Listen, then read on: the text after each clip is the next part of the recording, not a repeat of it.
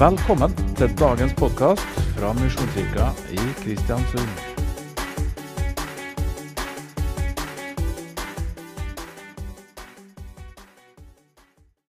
Ja, jeg, eh, jeg, jeg leser mye for tida og spiser mye. Spiser mye Guds ord. Eh, ja, det går hardt på biblene. og eh, jeg må nesten bare dele med dere eh, liksom, eh, det som skjer med meg, og liksom hva, hva jeg føler at Guds ord utfordrer meg på. Og jeg, så når, når jeg preker nå, så, så, så tenker jeg litt høyt med dere. Er det greit? Så det er liksom litt sånn eh, skal si, jeg, jeg involverer dere i min egen prosess. Går det an å si det sånn? Ja. Jeg, jeg er, eh, er rundt Peters bekjennelse i Matteus 16. Og eh, jeg vet at jeg eh, ganske nylig hadde samme teksten. Eh, Så senil er jeg ikke blitt at jeg ikke husker det. Men eh, det kan hende dere har glemt det. Det, det, er, det er en annen ting. Men, eh, men jeg, jeg har faktisk brukt den, den teksten for eh, ikke mange gangene siden. Og, og så, så, så er det sånne tekster som du, du, du, får, du, slipper dem liksom ikke. Eller dem slipper ikke tak i deg. Eh, Så jeg tror vi skal ta oss og lese litt. Grann av.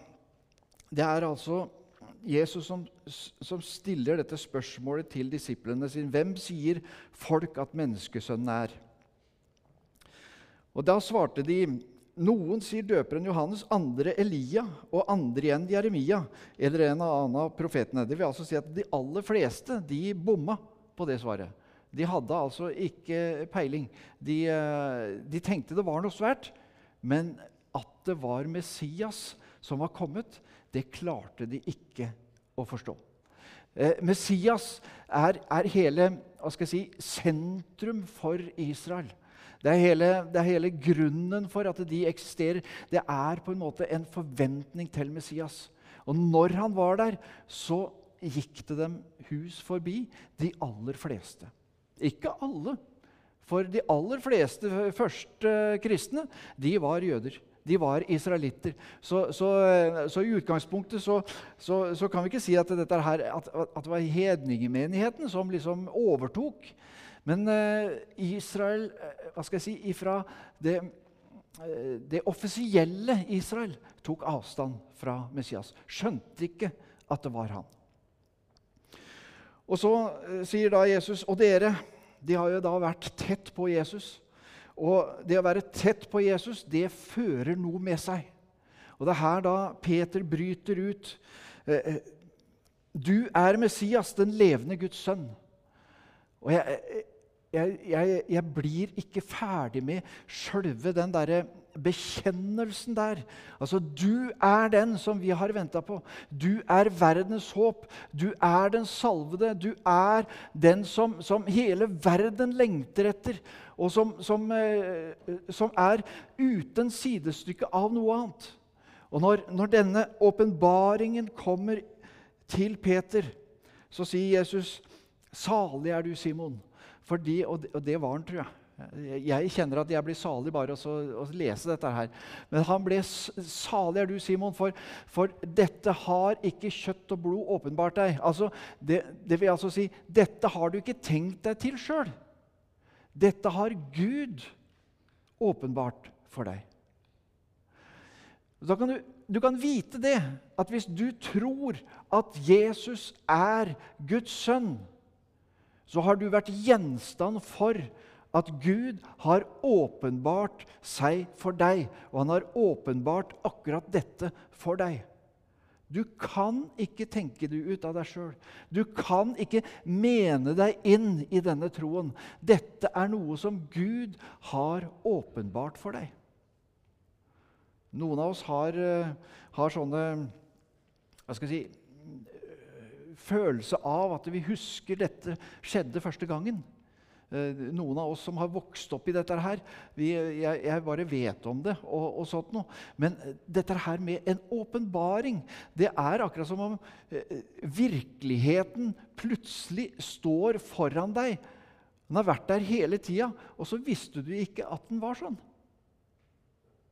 Det er det som, som, som skjer her. Og Da er det Jesus sier at på ikke på deg, Peter. Det er mange som har misforstått dette her, at han skal bygge kirken på Peter. Altså, det, det, det ville jo, vil jo vært veldig rart å gjøre det. Eh, et veldig skrøpelig fundament. Eh, på denne klippet, da peker Jesus på denne åpenbaringen at Jesus er Messias. Det er det som er fundamentet for å være kirke. At han er Guds sønn, at han er Messias, han er den som skulle komme. Det er det som er fundamentet for det å være menighet. Det er det som knytter oss sammen. Jeg vet ikke om uh, du føler at det er musikkstilen som knytter oss sammen. Eller om det er uh, det at vi bor i samme by bare og liker folk av alt det der. Det, det kan være mye bra i det. Det kan være mye som knytter oss sammen i det. Men det eneste som faktisk knytter oss sammen, det er at vi har en felles åpenbaring av at Jesus er Guds sønn. Og Så blir jeg litt fanga inn av denne situasjonen her videre her. Eh, nå hopper jeg over det som jeg preika om sist, da, så, sånn at dere skal slippe å få, få gjentatt akkurat det. Og Det er, det er når, eh, når Jesus da begynner å fortelle til disiplene sine Legg merke til at det står i, i vers 21 da, Fra da av begynte Jesus Kristus. står det der. Jesus Messias. Der er det bare en sånn understrekning av at dette her, Jesus ikke bare var snekkersønnen og, og uh, han som de kjente, men han var Jesus Kristus, den salvede, den som alle ting retta seg mot. Og Så begynner han også å undervise dem om at han skulle komme til Jerusalem, at de eldste oversteprestene og de skriftlærde skulle la ham lide mye. Han skulle bli slått i hjel, og den tredje dagen skulle han reises opp. Og da er det Peter, som antageligvis har et, et rush av selvtillit fra hans forrige åpenbaring, begynner å si Stopp en halv godeste Messias. Dette her har ikke du greie på. Dette her må virkelig ikke skje deg. Og eh, Det høres jo veldig hyggelig ut, gjør ikke det? Det høres ut som om det er mye omsorg i dette her. Jeg vil faktisk ikke at du skal ha det så vondt som dette her, Jesus, så, så dette her må ikke skje deg. Og da er det Peter igjen får fokuset på seg, Jesu blikk på seg, og en helt annen setning. Vik bak meg, Satan, står det her. Du vil føre meg til fall. Du har ikke tanke for det som Gud vil, bare det som mennesker vil. Det var nok en nedtur. Jeg, jeg tror det for, for, Peter, som på en måte trodde at han nå var på en liten sånn bølge av åpenbaring. Plutselig så går han bare rett i bakken, og så viser det seg at han hadde ikke lært eller skjønt noen ting. Og blir irettesatt på det aller heftigste av Jesus. Og så har jeg blitt hengende ved denne, denne sympatiske Peter som på en måte eh, tar med seg Jesus og skjønner, dette her Gud fri deg. Dette må ikke skje deg, altså. Stakkars deg, Jesus. Og så er han den sympatiske som egentlig vi syns at eh, sånne venner vil vi ha. Sånne, sånne, sånne, mennesker vil vi ha rundt oss, som virkelig ikke vil at vi skal gå gjennom noe som er vondt. Noen ganger så må det skje åpenbaring for oss, slik at vi kan få lov til å ta steget ut over det som sees bra ut. Eh, vi har en veldig lignende situasjon der, der Paulus skal reise til, til, Jerusalem, han også. Det er tydeligvis at Jerusalem er sakens kjerne her. Og, og det, det, kommer en, en, profet som heter Agabus, som profeterer over, eh, over uh, Paulus og, og, og tar fra han beltet. Det må du ikke gjøre fra meg, for da vet ikke åssen det går. Men uh, tar han beltet til Paulus, og så, og så, også, og så sier han at det, og så binder han det rundt hendene sine, og så sier han den som eier dette beltet, slik vil han bli ført bort i fangenskap og overgitt til hedningene. Det var en profet som sa det. En profet som profeterte, som snakket sant ut ifra Guds ånd. Og Paulus sier at slutt å gjøre det så vanskelig for meg. Ikke bare er jeg villig til å gå til Jerusalem, men jeg er villig til å dø i Jerusalem for Jesus' sak. Og det er, det er, på en måte, det er akkurat som det, det, er to verdener som er i en slags kollisjon her. Den sympatiske, den snille, den gode, den velmenende som ikke vil at noen skal ha ubehag. Og så har du Guds rike, som faktisk åpenbarer en annen verden som fra tid til annen koster noe. Jeg vet ikke, Har det kosta deg mye? Altså, har, det, har, det, vært sånn at du, du opplever at dette her dette har kosta meg noe. Som regel så tror jeg at vi finner støtte i hverandre til at vi behøver ikke ta den omkostningen. Det er så vanskelig. Ja, det er det. Og så har vi felles sympati for hverandre som av og til hindrer Guds vilje i å skje med livene våre. Eh, dette å være bundet av Hva skal jeg si det, det, Denne her-siden den, denne, denne, den fysiske verden, det menneskelige som Bibelen ofte taler om. Der, der, klarer vi å innhente veldig mye sympati av hverandre. Eh, og det gjør at veldig mye stagnerer av det Gud vil med livene våre. Um, og, og jeg, jeg, jeg, tror at fra tid til annen så, hen, så hender det at vi må tas litt avsides sammen med Jesus for å få lov til å kjenne hva hans vilje med livet vårt er. Uh, en, en, et annet skriftsted som også har, har vært med meg i, eh, i, dette her nå, det er Lukas 10. Eh, der eh, det sto en, en lovkyndig fram og ville sette Jesus på prøve. 'Mester', sa han, 'hva skal jeg gjøre for å arve evig liv?' 'Hva står skrevet i loven?' sa Jesus. 'Hvordan leser du?' Han svarte. 'Du skal elske Herren din Gud av hele ditt hjerte' av hele din sjel og av all din kraft og av all din forstand og de neste som deg selv.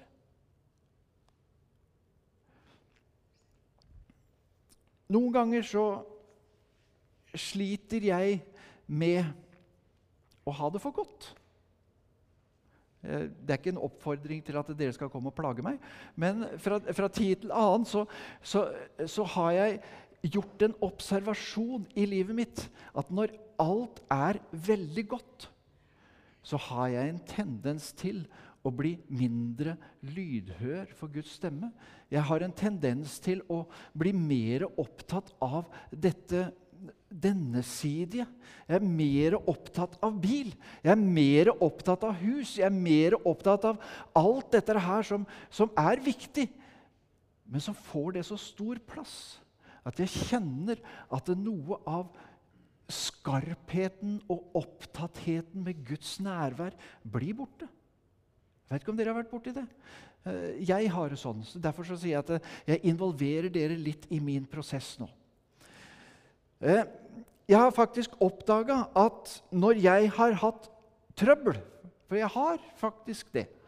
Livet har ikke alltid vært en dans på roser. Det, det, det skal sies. Og når jeg har trøbbel, så kjenner jeg at det, da er det lett for meg å gå inn i bønn.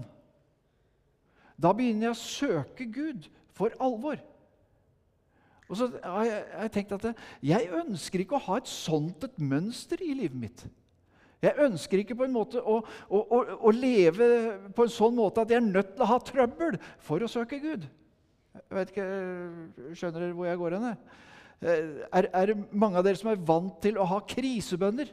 Altså, Når, når regninga er for svær, når det er ugreier i familien, når det er hva som helst, så er det, da er det ned på kne, og så ber vi Gud, grip inn. Og så griper han inn. Han er god og trofast, og han tar imot oss på alle disse feltene her.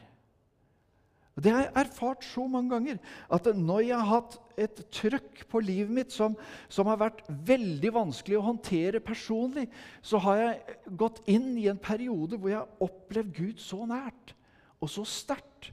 Og jeg har opplevd hans nærvær på en måte som, som eh, jeg kjenner at jeg savner når livet er greit.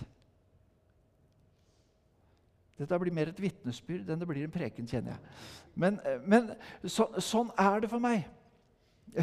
Jeg snakka med Tove om dette her på, på, på, til frokost i dag. om, om dette her. Tove er helt motsatt. Hun blir så fylt av takknemlighet hun, når, når, eh, når, når, alt er godt og alt er bra.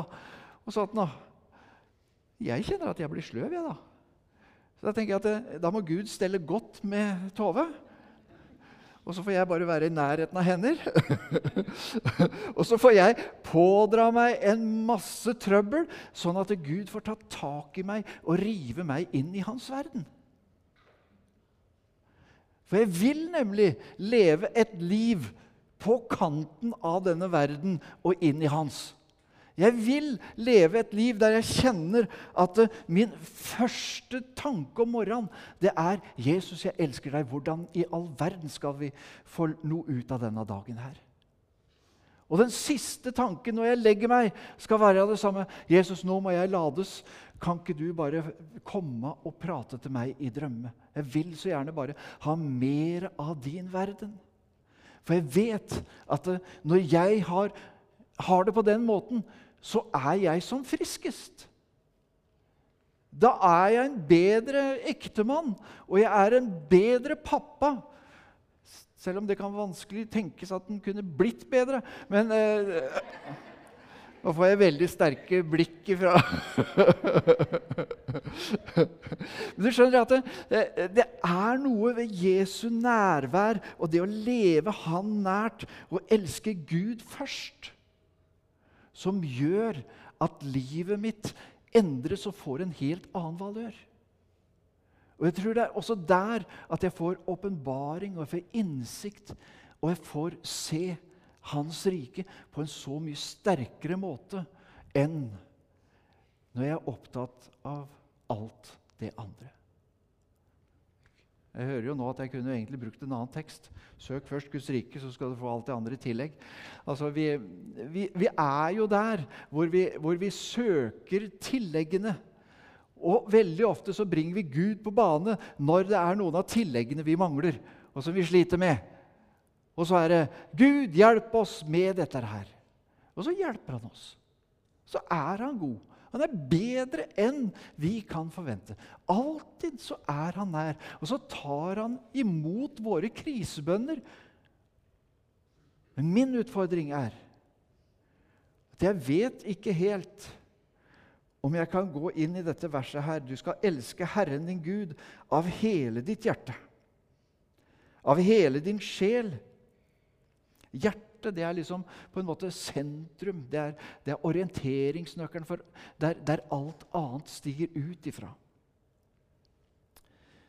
Av hele din sjel, følelseslivet, Uh, altså uh, hele, hele spekteret mitt av følelser, det, det, det, skal handle om å elske Han først.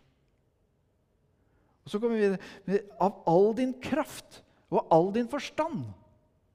Og det var dette med forstand som jeg egentlig huka fast med. Så sier jeg at jeg kan ved min forstand bestemme meg for å tilbe når jeg har det godt. Ikke bare være grusomt takknemlig, men å tilbe. å benytte meg av å få lov til å bli kjent med hans nærvær også når jeg har det godt. Det er veldig rart at en skal ha sånne utfordringer, tenker jeg. Altså At man må ha kriser for å komme nær til Gud. Eh, og jeg tenker at jeg, Det kan hende at jeg holder på og prøver å unngå en del kriser ved å holde meg nær til Gud uansett.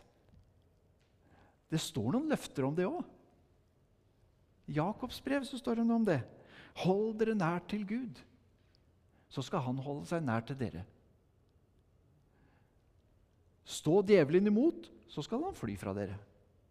Det er et eller annet med å, å bruke den tida du har, enten du har kriser nå eller du har det godt nå, til å si jeg bestemmer meg i dag for at jeg vil tilbe deg først og fremst. Jeg vil først og fremst være kobla til deg. Jeg tror nemlig at eh, det å elske seg sjøl og elske sin neste som seg sjøl, det er en konsekvens av å stå i nærheten av Han som er kjærligheten.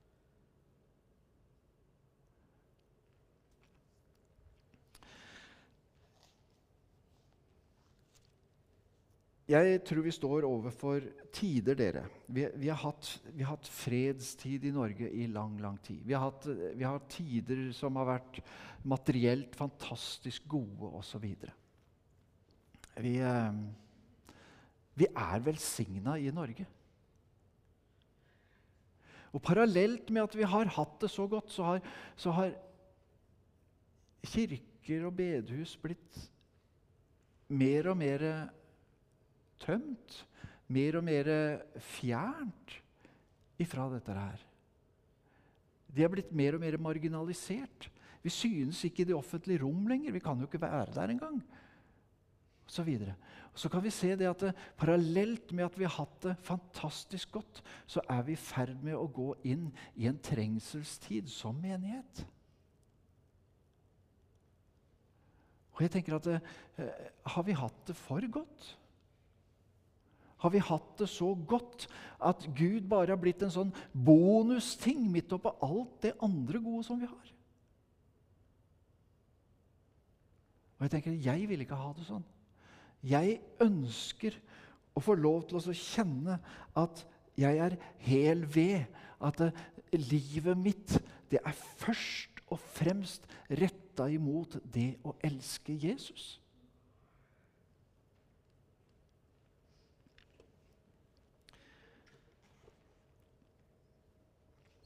Jeg tror eh, Jeg tror vi trenger det, dere. Jeg tror vi trenger åpenbaring. Jeg tror vi trenger å få lov til å se hvem han er i livet vårt. Slik at vi får faktorene på plass igjen. Vi skal takke Gud for at vi har det godt. Vi skal takke for alt det vi har. Det er ikke noe galt i å ha det godt. Gud ønsker å velsigne oss med alt dette gode. Men han ønsker ikke å velsigne oss så mye at det ødelegger livet vårt. Han ønsker først og fremst at vi skal være kobla med han. Og kjenne det at jeg er først og fremst hans. Jeg er først og fremst i hans nærvær. Dag og natt. Dag og natt. Jeg har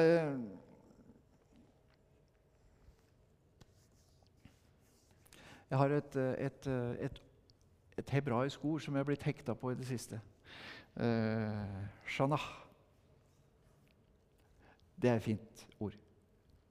Det er, uh, det er, det er ordet for år. Altså år. år. Hva er et år? 365 dager. Eh, samtidig så er det året for, for to for, eller det er ordet for to og for gjentagelse. Eh, og Det betyr at dette, dette, ordet det, det, det, definerer på en måte at uh, neste år så kommer det vår, så kommer det sommer, så kommer det høst, så kommer det vinter. Så Alt går i sin runde. sånn at det, Dette ordet betyr at det, det blir en gjentagelse av alt. Det vil altså si alt som da dette året knyttes til det skapte, så blir det en gjentagelse av det skapte. Du går inn i de samme fallene, du går inn i de samme eh, nederlaga. Du opplever de samme tingene. Du, du opplever at, at, dette her eh, skjer om igjen. Dette har jeg opplevd en gang før. Og så betyr det samme ordet noe nytt. Det betyr også noe nytt. Det vil altså si at et år behøver ikke være bare gjentagelser, men knyttet til Gud. Så vil et år fylles av nye ting. Det vil altså si, er du knyttet til det skapte først og fremst, så får du gjentagelser. Det er de samme tingene du høster om igjen og om igjen i livet ditt. Men hvis du fester dette året som kommer, til Gud og sier at 'jeg vil tjene deg først', så åpner du deg for at ifra Hans rike så vil det sige nye ting inn i livet. Det er han som står for å skape noe nytt i livet ditt. Så du har valget. Knytt deg til det skapte og dette forgjengelig, eller knytt deg til den levende Gud, som er uforgjengelig, og som er her og er nær deg. Han er i din munn. Han er Troens ord er i din munn. Hjertet tror vi. Han er her. Han er inni deg. Og Du kan få lov til å leve ut ifra det. Og vet du hva? Det du kan oppdage da, det er at det blir nye, spennende ting å erfare det året som ligger foran. At det ikke blir gjentagelser av alt det gamle, men det blir noen nye ting. Jeg vet ikke om du er interessert i noe nytt. Skal vi det? Jeg er i hvert fall veldig spent på hva nytt jeg kan få lov til å erfare med Guds nærvær. Ja. Da tror jeg jeg skal eh, gå inn for landing. Dette er den prosessen jeg står i og holder på med.